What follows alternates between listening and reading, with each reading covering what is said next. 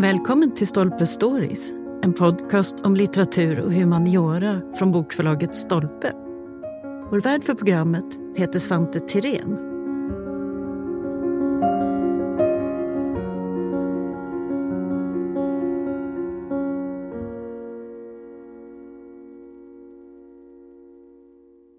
I ett tidigare avsnitt av podden så fick vi höra om lantbruksarkitekten Charles Emil Lövensköld och hans storslagna vision om en ny arkitektur för landsbygden. Men hur gick det egentligen med allt det här? Blev det någon förändring och hur ser kulturarvet med äldre byggnader ut på landsbygden idag? På länk med oss från Luleå har vi Gustav Bergström, även känd som Rävjägaren. Han är skribent och föreläsare inom arkitektur och byggnadsvård och har särskilt intresse för just landsbygdens arkitektur. Så välkommen hit Gustav! Hej och tack! Du har ju länge skrivit och kampanjat också om landsbygdens historia, inte minst det här med bebyggt kulturarv alltså. Hur startade det här intresset hos dig? Alltså jag minns ju från jag var riktigt liten att jag alltid har varit fascinerad av gamla byggnader. Jag minns när jag var liten på 70-talet fanns det fortfarande kvar gamla kåkar med spåntak. Jag minns hur vackert det var med det gråa. Sen såg man att taken blev sämre och sämre och nocken började, ja ni förstår, huset eh, störtade förr eller senare samman. Och det där gjorde otroligt ont. Och jag minns ju också sluttampen på något sätt på rivningshetsen, rivningsraseriet i ja, Piteå och Luleå när jag växte upp. Det, det är tydliga minnen. Jag minns liksom hur man skrev om 76an i Piteå till exempel, en jättefin kåk, jugendkåk nära järnvägen som man rev. Och det här eh, det gjorde otroligt stort avtryck faktiskt. Så egentligen är det din uppväxt i Norrbotten, det är redan där som du såg magin i de här gamla byggnaderna och att de också bar på väldigt mycket berättelser, eller hur?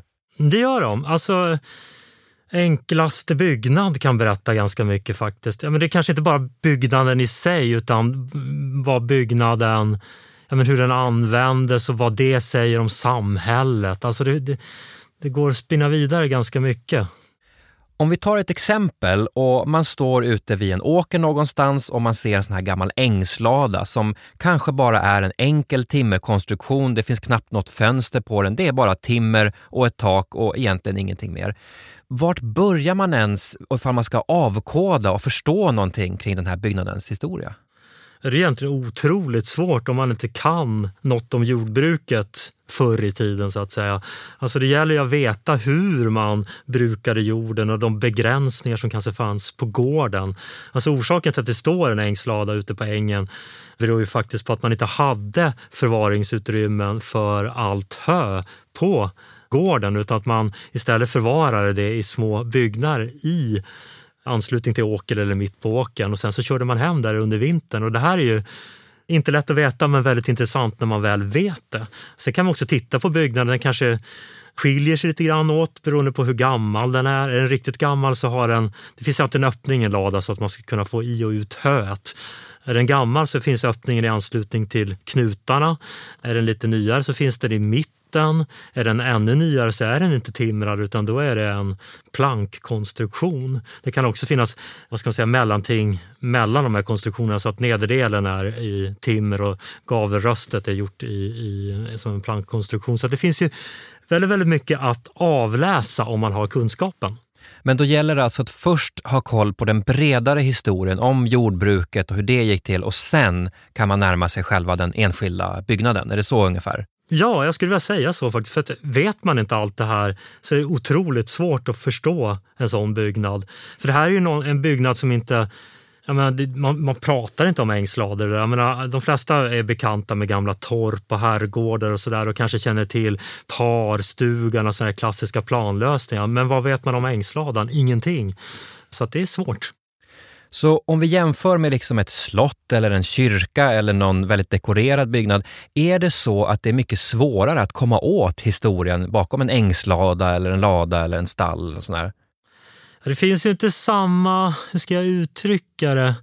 Om man tittar på, på eh, ja, men husarkitektur i allmänhet så är det ju en kronologisk utveckling och det är ganska lätt ändå att bestämma när, när byggnaden är uppförd. Men just om man ser till jordbrukets byggnad är oftast inte speciellt utsmyckade och de är uppförda och ritade på ett ganska enkelt sätt. Alltså det, det, jag tycker att mycket av de, de här byggnaderna är ganska funkis faktiskt, alltså funktionalistiska. För det är funktionen som är det primära, inte att man har styrt ut det med massa krimskrams. Alltså det här kan man ju se, om man åker söderöver så är det mer vanligt jag gissar att det är ladugårdar som kanske är byggda i början på 1900-talet eller runt 1900, sent 1800-tal. De kan ha en dekor som gör att de ser lite snofsigare ut, eller hur man ska uttrycka jämfört med de enkla byggnader som vi ofta har haft i Norrbotten. Uh, åtminstone i de lite mindre gårdarna ute i byarna. Mm. Idag så slås man ju av, när man åker runt i Sverige, de flesta delar av Sverige, då ser man ju väldigt många byggnader som står tomma och de förfaller, inte minst då ladugårdar och uthus och sånt där. Vad är dagsläget? Eh, finns det någon framtid för det här? Växer intresset eller hur, hur är det nu? Om man åker runt på landsbygden så väldigt många ladugårdar som står där är kanske uppförda på 60, 70, 80-talen eller om och tillbyggda på den under den tiden. Och det är ju ofta byggnader som kanske inte står så högt i kurs om man inte är lite mer antikvariskt intresserad skulle jag vilja säga. Så jag ser nog lite, lite dystert på det om man inte kan använda byggnaden till något annat, vilket man skulle kunna göra. Man kanske använder den, det kan ju vara så enkelt som att alltså man förvarar saker. Man kan ju också ha en annan typ av verksamhet i, i de här byggnaderna och då kommer de till användning och då är det ju lätt att man, ja, då vill man underhålla dem och hålla dem i ett fint skick så att säga. Sen vet man inte vad som händer i framtiden, om det kanske blir så att vi kommer att ha fler jordbruk. Det är också ganska svårt att säga om i takt med att klimatet förändras. Så vi, åtminstone vi i Norrbotten har ju än så länge ja, men ganska förmånligt klimat. Vi drabbas inte riktigt lika hårt av torka och regn och sådär. Man vet ju inte hur det går på den fronten heller. Men i stort sett kan man säga att det är ett hotat kulturarv, de här byggnaderna, just för att många av dem har ingen användning helt enkelt. Ja, det är det stora problemet. Alltså de bara står. Eh, många köper en gammal gård för att de vill bo där. Och så kanske de vill ha lite skog för att får, får jaga älg. Det är ju väldigt vanligt här uppe i alla fall. Men just det här att eh, underhålla stora laggårdar och rödfärg och man måste se till att det är tätt i taket. Alltså det är så mycket som kan hända och där tror jag att mångas energi tar slut tyvärr. Så att jag ser ganska mörkt på det där. Om det inte är någon väldigt fin gammal lagård som ja, men, man tänker sig en stenladugård från 1800-talet. Där kanske det är lite lättare att få gehör för att den ska bevaras. Vad skulle man då kunna göra om man nu vill öka medvetenheten och vill lyfta fram det här som kulturarv? Vad kan göras? Jag tror det är viktigt att berätta om menar, historien och funktionen menar, om, man vet mycket om en byggnad så är det mycket lättare att tycka om den och det är mycket svårare att lämna den åt sitt öde. Det har jag märkt. Så det är väl lite där man, kan, man skulle kunna börja. Det är ju eh, ganska svårt det här. Jag menar, det finns väldigt många byggnader på landsbygden som står för fall. Det är inte bara ladugårdar och ängslader etc. Men det kommer ju då och då mm, driver via Länsstyrelsen och landsbygdsprogrammet där man kan söka medel för att göra en en reparation eller renovering och det tycker jag är väldigt välkommet. Det tror jag har gjort att ganska många, åtminstone ängslader, har fått leva kvar. Idag är ju många av de här byggnaderna tomma. De är inte fyllda längre med pigor och drängar och bönder och andra som arbetar där. Hur gör man liksom för att hitta människorna och deras historia i det här? Vad kan man hitta sånt? Alltså det finns ju många olika sätt. Jag menar, man kanske bor på en plats där det finns gamla människor som fortfarande har upplevt det här. Det gör det ju faktiskt fortfarande kvar. Men många som är 70-80-årsåldern har ju ganska god kunskap om det här och även i vissa fall yngre. Men det finns också mycket, eller många skatter i alla hembygdsföreningars skrifter. Det är också ganska vanligt att byar har sammanställt eh, vad ska man säga, byns historia och där skildrar man ofta jordbruk jordbruket och hur man levde på den tiden. Så jag kan verkligen rekommendera att göra lite research på platsen så att säga. Just byalitteratur och hembygdsgårdar, det brukar vara toppen. Just det, men frågemetoden, det är en bra startpunkt. Det är den roligaste också för då, då kan du få lite annan information som hör till liksom på något sätt. Lite, ja, men från platsen och lite mer färg kanske än det, som finns i en vanlig text. Som du säger är det ju många som nu är i 70-80 plus åldern här. De är ju de sista som minns det gamla jordbrukssamhället som ju fanns kvar väldigt länge. Vad är det för kunskap som håller på att gå förlorad när de inte längre finns? Ja, för det första var det en generation som liksom, för dem var det naturligt att ja, men de visste hur man skötte djur, hur man brukade marken och det är kunskap som verkligen går förlorad ja, när den generationen inte lever längre. De är också uppvuxen i en tid av, kanske inte helt och hållet självhushållning, men väldigt, väldigt mycket av det man åt var faktiskt sånt som gården producerade. Alltså man hade ju inte samma behov av importerad sallad och juice och allt sånt där på den tiden, utan det var ju väldigt mycket potatis, fisk, fläsk etc. Liksom. Jag hörde en granne berätta faktiskt om sin uppväxt det här var i slutet på 30-talet, början på 40-talet. De var otroligt fattiga och pappan hamnade på sjukhuset. Han hade det var lunginflammation, så fick han tbc och var borta under lång tid. Men han hade i alla fall lärt sina små barn att hantera salongsgeväret så att de kunde skjuta ekorrar. Och då fick de lite kött så att de kunde äta och hålla sig vid liv. Liksom. Alltså, det här är inte jättelänge sedan. Men alltså, den, den här kunskapen och den här generationen är verkligen på väg bort. Mm. Man pratar ju mycket om att just byggnadsvårdsrörelsen och hela intresset för gamla hus, det växer så det knakar. Och det finns ju också någonting som kallas för ödehusrörelsen där man alltså då ser till att ja, men de här husen på landsbygden, de ska tas om hand. Man ska flytta in i dem och få dem att leva igen. Men än så länge så har de här rörelserna egentligen inte hjälpt uthusen och ladugårdarna, är det så? Alltså till viss del tror jag nog att, att de har hjälpt till.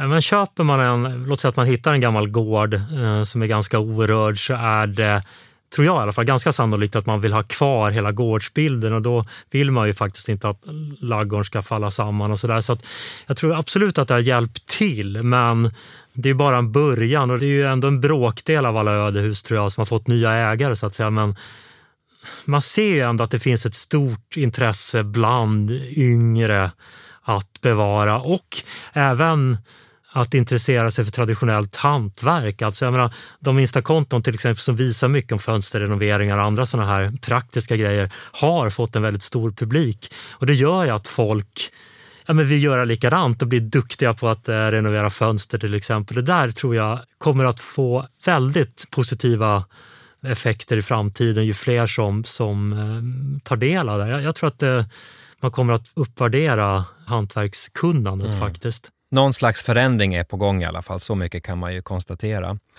Om vi återgår till själva Charles Emil Löwensköld, Han var ju alltså den här lantbruksarkitekten som drömde om att reformera den svenska landsbygden. Man skulle både dekorera då husen till djuren och också till människorna och man skulle bygga nytt och luftigt och rationellt och så vidare. Men om man tänker på bönderna, vad ville de? Alltså accepterade man råd ovanifrån så att säga? Eller hur, hur togs sånt här emot tror du på till exempel 1800-talet? Alltså, för det första så tror jag inte att de här nymodigheterna kanske nådde i någon större utsträckning ut till byarna i Norr och Västerbotten till exempel. Och sen så måste jag också säga att jag, jag är själv uppvuxen i, i, i en bondemiljö och det har alltid funnits, uppfattar jag det som i alla fall, en ganska stor misstro till överheten och bestämmelser och regler som ändras allting kommer från Stockholm eller något sånt där. Alltså det tas inte väl emot. Så jag kan tänka mig att det var ganska få ändå som tyckte att de här grejerna var toppen. Det är en fantastisk bok och fantastiska idéer, men jag tänker att det kanske framförallt slog an hos en, en lite mer besutten jordägarklass på något sätt som ville följa med sin tid. Det är vad jag tror. Mm, men lite olika helt enkelt. Att I vissa delar av landet så har säkert Lövenskiöld varit en väldigt viktig inspiratör och idégivare liksom, medan i andra delar och andra sammanhang så har man kanske varit lite mer misstänksam och just känt att det, det är något ovanifrån man inte vill ha att göra med. Det tror jag absolut. Det är jag helt övertygad om faktiskt. Du bor ju själv på en gammal släktgård då, utanför Luleå i Norrbotten. Kan du beskriva någonting hur den ser ut och vad finns det där av såna här lantbruksbyggnader? Det finns mycket. Alltså det är ingen jättelik gård. Alltså det är inget sörmländskt säteri precis, men det är två bostadshus. Ett från tidigt, tidigt 1800-tal och ett från tidigt 1900-tal. Och sen så är det en laggård byggd eh, i mitten på 50-talet men som är då utbyggd i början på 70-talet. Det finns en loge från 30-talet. Det finns en maskinhall byggd på 70-talet och den har fasad av plåt. Resten är ju då träbyggnader. Så finns det ängslador, nu ska vi se, det är fem eller sex stycken. En slottarstuga och så finns det ett gammalt kyrkstall som egentligen har stått i anslutning till en kyrkstad. Det finns en liten boda, en oljeboda. Det finns många sådana här små byggnader som man måste hålla efter, alltså måla. Man måste se till att de inte sjunker ner i marken och man måste kanske slå bort gräset så, så att inte fukten belastar vad ska man säga, husens eh, syllar allt för hårt. Så det finns mycket att göra också när man har så många byggnader. Det är ett stort eh, ansvar. Och hur mycket vet du om husen hos dig? Finns det dokumentation eller berättelser och sånt som gör att de här husen får på något sätt sin, sin identitet tydlig? Ja, det får jag väl ändå säga. Ja, men mycket muntligt ändå som jag har hört ja, sedan jag var liten. Det finns lite bilder och sånt där. Så att det är klart, alltså, alla byggnader har ju sina namn och i vissa har man ju också skrivit in byggåret när man byggde dem också så att man, ska, så att man inte ska kunna missta det. Man har kanske kompletterat det byggåret med ett ombyggnadsår när man har gjort större förändringar. Så att eh, absolut, jag tycker ändå att jag har ganska mycket information. Det är inte supergamla byggnader heller. Alltså. De här ladugårdsbyggnaderna etc. Inget av det är från 1800-talet utan det är 1900-tal som gäller. Alltså just ladugårdar och sånt där är ofta sånt som har bytts ut. Det kan ha brunnit och det kan också vara så att den här gamla ladugården från tidigt 1900-tal inte var speciellt ändamålsenlig i mitten på 50-talet och det, det, kan ha varit svårt att ja, men, bygga om den på ett bra sätt. Så att säga. Så att många av de här byggnaderna har ju förnyats, rivits och, och nybyggts. Det där är också en intressant fråga. Alltså, hur gammalt måste någonting vara för att vara intressant? Alltså, du nämner till exempel 50-talet och om man jämför med 1800-tal, 1700-tal. Alltså, hur, hur ser ålder ut? Hur mycket påverkar det hur intressant det är och inte? Alltså jag tror att det påverkar väldigt, väldigt mycket. Framförallt om man tittar på hur mitt favoritord gemene man ser på saken. Men är man, är man intresserad av gamla byggnader så jag kan ju tycka att eh, jag menar, en ladugårdsbyggnad från 80-talet är ganska intressant idag för det är ganska länge sedan. Och en laggård som är ja, från idag eh, skiljer sig ganska markant från den tiden. Och det är också, jag tänker på, jag tittar på min egen laggård, den är byggd ungefär 1956 och utbyggd, kommer inte ihåg, 71, 72, 73.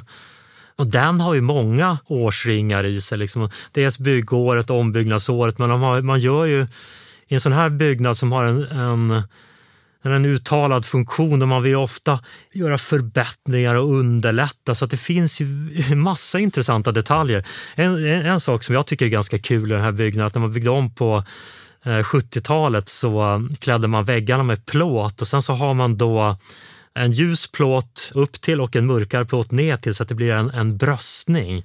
Och på de väggar som inte har plåt utan som är av masonit har man då målat i ljus och mörkgrått. Eh, det här tycker jag är otroligt intressant, att man ändå ville ha den här eh, känslan av vad ska man säga, bröstning, alltså panel på något sätt. Det är ju smått obegripligt egentligen, men uppenbarligen tyckte man om det. Så det finns ändå en liksom estetisk eh, drift här, alltså man vill ändå få det fint på något sätt? Absolut, men den är ju otroligt parad med att det ska vara praktiskt.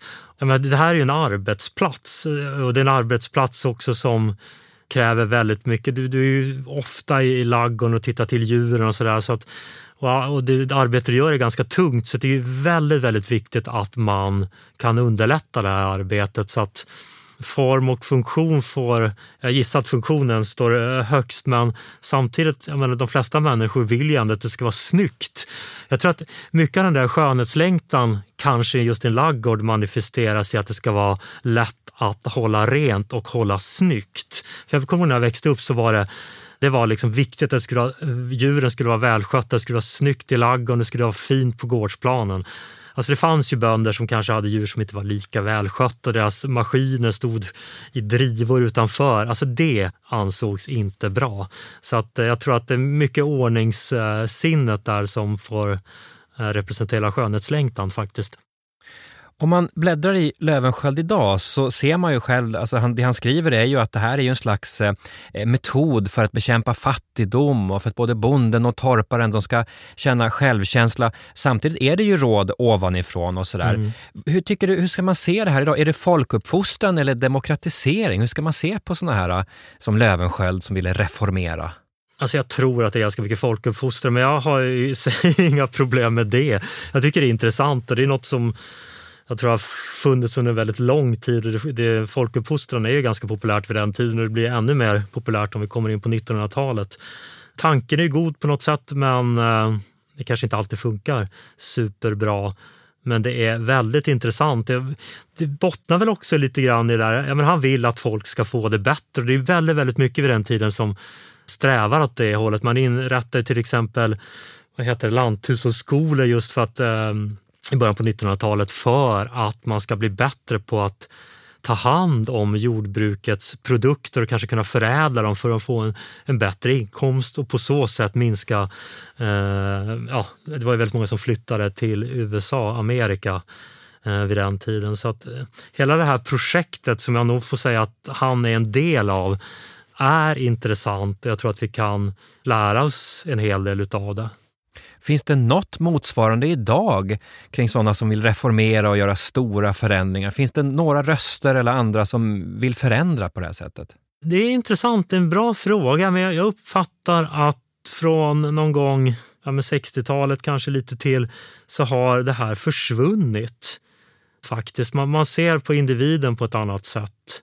Kanske det som är förklaringen, jag vet inte. Det är en helt annan dynamik kring hur man eh, formulerar sig om, om lantbrukets arkitektur och arbetssätt idag. Absolut, och jag tänker inte bara på det, men liksom samhället i stort, liksom att man fungerar på ett annat sätt och kanske är lite mer individualistisk också. Liksom man, man kommer inte ens på tanken att man ska propagera för sådana här saker.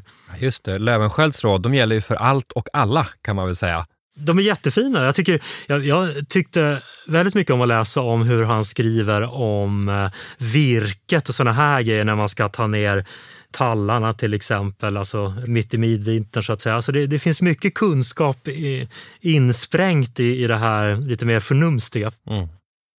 Om det är någonting Lövenskiöld är känd för så är det ju snickarglädjen, alltså utsirade krusiduller och dekorationer på verandor och fönster och gavlar och allt vad det nu var.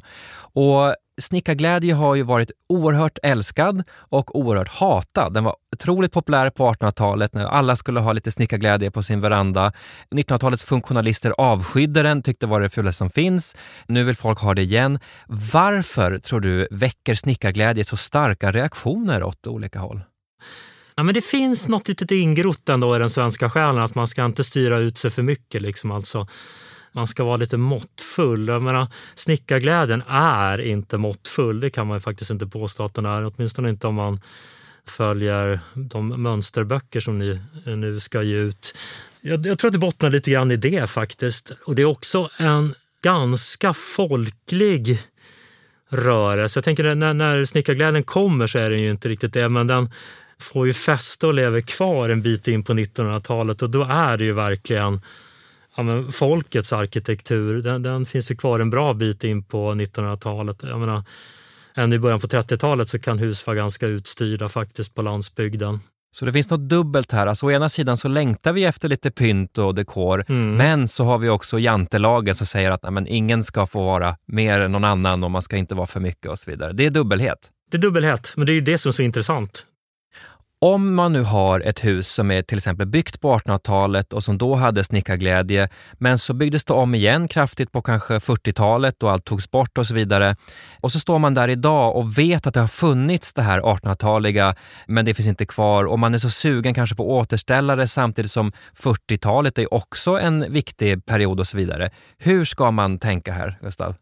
Alltså det där är ju ett svårt kapitel. Det beror ju också lite grann på. Om du skulle hitta ett hus som är ja, som du säger, ombyggt på 40-talet och helt i princip bevarat sedan dess, då tycker jag att man köper ett annat hus om man vill återställa snickarglädjen.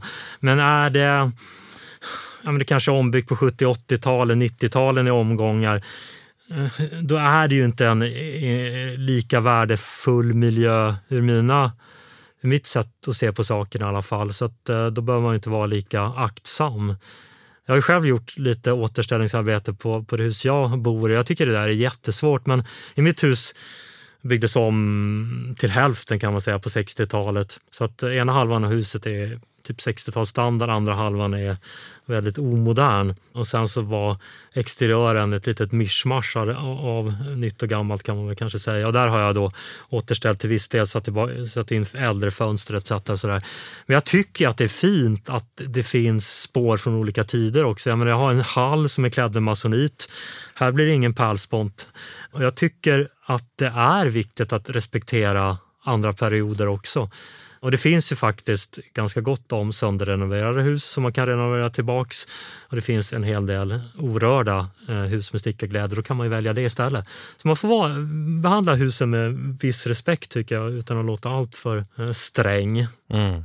Så det, det, är inte helt lätt att veta, men man kan säga att lyhördhet för olika tidslager, det är kanske en nyckel man kan tänka på. Ja, men det här är också en generationsfråga. Jag kan bara dra ett litet exempel. Jag har, det finns en, en gård i familjens närhet så att säga som var byggd i början på 1900-talet, tror jag, ombyggd på 40, 30, 40, 50-talen, lite omgångar. Du vet, masonit på dörrarna, allt sånt där.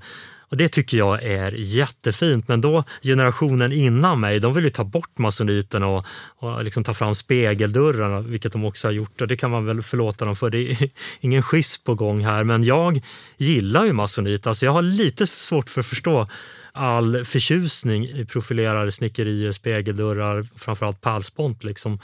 Även om jag tycker att det är väldigt, väldigt fint. Men jag skulle inte liksom springa benen av mig för att få det.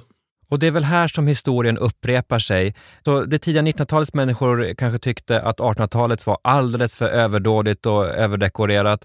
Och sen har vi nästa generation som då tycker att 40-50-talets arkitektur är ogästvänlig och alldeles för, för enkel och då vill man ha tillbaka. Och så går det så här. Lär vi oss någonting, någonting av historien, Gustav? Nej, det tror jag inte. Alltså, det, här är ju, det här är den mänskliga naturen, så det kan man ju inte ändra på. tror jag faktiskt. Eh, men det, jag försöker plädera för att bevara ett kök från 80-talet idag. Det går ju inte. Till exempel. Alltså, det är för nytt och det finns för många. Mm. Sen har man ju en annan aspekt som kommer in och gör att det blir lite svårare. Det är också att det går ju ändå någon gräns där, jag vet inte, som är ganska flytande som kanske börjar på 60-talet och kulminerar på 80-talet. Och då tänker jag på att materialen är sådana att det blir svårt att förvalta under lång tid. Och det är en sak. Mm, just det, och det är ändå en kvalitativ skillnad. Smak förändras alltid, det vet vi ju. Men vi vet ju att plast har ju mycket sämre hållbarhet än till exempel trä och så vidare. Så att det är någon, någon skillnad där, just rent materialmässigt också. Så är det. Det där är ju ett jättestort problem skulle jag säga, just plasten. Alltså plasten är fantastisk på många sätt men den är ju väldigt problematisk i det långa loppet faktiskt. Där kan det verkligen bli problem. Mm.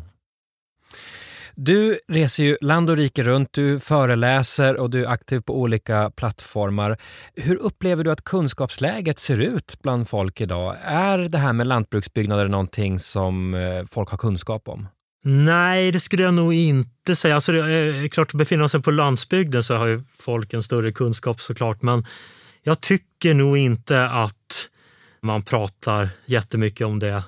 Det kanske inte står tillräckligt högt i kurs, det anses kanske inte tillräckligt intressant och det är kanske lite mossigt. Jag vet inte. Jag, jag tycker att det är väldigt lite fokus på det faktiskt. Långt in på 1900-talet så bodde ju majoriteten av Sveriges befolkning på landsbygden och idag är det ju få som har kontakt med lantbruk i den meningen som det var förr. Så det här glappet mellan att vi var bönder, många av oss, i så många tusentals år och idag så lever vi i ett annat samhälle. V vad tänker du om den kontrasten? Har vi tappat eh, kontakten med oss själva nästan? Jag tycker nog att det här är lite farligt för, för att man har ingen aning om hur man får mat ens.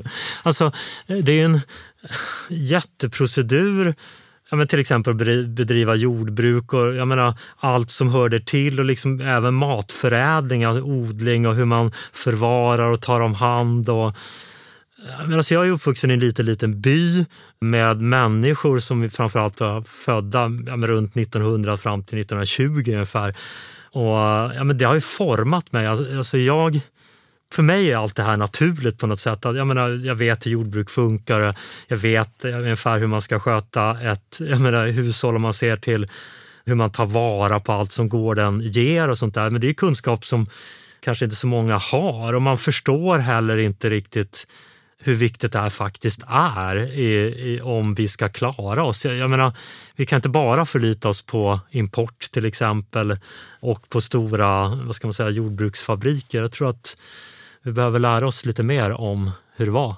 faktiskt. Så egentligen är det kanske inte bara en omvärdering av husen som vi behöver göra, det är också av hela arbetet och hela kedjan från ax till limpa. Ja men verkligen. Alltså jag märker, nu har jag flyttat tillbaka till Norrbotten efter, vad kan det vara, ja, det är drygt 30 år i Stockholm.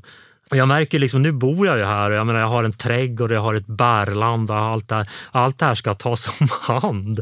Jag kan ju inte bara låta det förfaras på buskarna. Liksom. Så jag har kokat så fruktansvärt mycket saft i sommar bara för att jag menar, jag vill liksom ta vara på vinbären, på rabarbern etc. Odla morötter och lite andra rotsaker som går att förvara under vintern. Och nästa år ska det bli potatis också.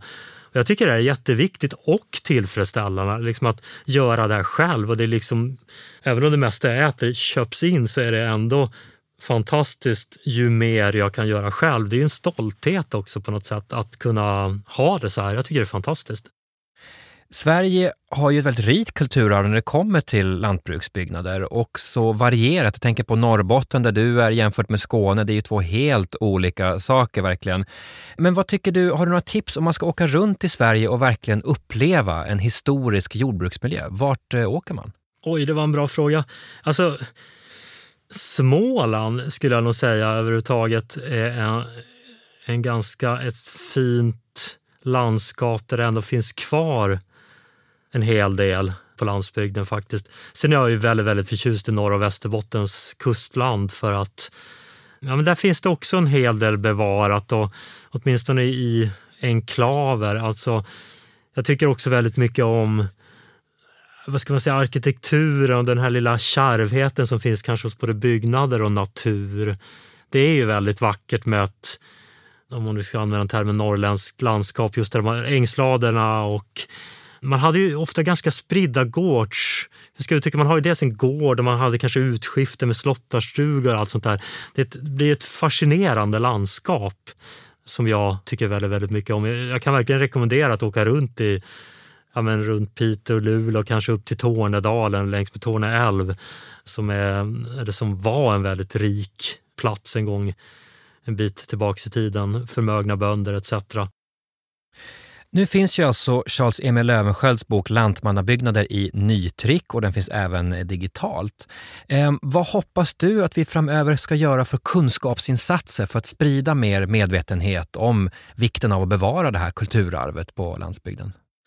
Alltså just att ge ut den här boken tycker jag är en väldigt bra idé. Jag menar det, det är ju fantastiska bilder. Alltså det här är en bok som ändå skulle kunna ja, bli lite populär bara för att den är så vacker böcker. Alltså det, och den är också väldigt, väldigt intressant. Jag tänker bara att det behövs fler sådana här grejer, att man uppmärksammar saker som kanske är ganska alldagliga men det finns viktiga och värdefulla detaljer i de här byggnaderna, miljöerna eller vad det nu kan vara. Jag tänker på, det kom en bok om ved för ett antal år sedan som blev en fruktansvärt stor säljare. Nu tror jag att det kan vara svårt att göra en likadan om laggårdar och ängslader etc. Men det finns mycket att ösa ur, men jag tänker att det kanske är lättare. Jag menar, om det kommer en amerikan eller en tysk eller så där och liksom intresserar sig för våra gamla jordbruksbyggnader än för en svensk gemen att eh, se det. Jag tänker som svensk och uppvuxen så kanske man i Sverige tycker man kanske att det är ganska tråkigt och påminner om den här tiden när alla var bönder och det var ganska fattigt. Det är inte liksom exotiskt ännu, det kanske kommer att bli det, men kommer man ute från andra håll i världen så kanske det här är eh, mer spännande helt enkelt. Just det, så lite utifrån perspektiv, det kanske skulle stimulera intresset? Det tror jag. Jag tänker bara också på mig själv. Liksom. Jag, tänker, jag är ju uppvuxen i det här och tyckte att det var måttligt intressant för 30 år sedan. Eh, men nu tycker jag det är ännu mer, eller betydligt mer intressant. Alltså, jag har ändå jag har bott i Stockholm och sådär, liksom, gjort en massa grejer så att man får lite perspektiv och mer kunskap och då men då kan man se på saker med nya ögon faktiskt och det tycker jag mm. väldigt, väldigt mycket om. Förändring är på gång i alla fall och vi får se var den slutar. Stort tack för att du gästade podden Gustav. Tack! Tack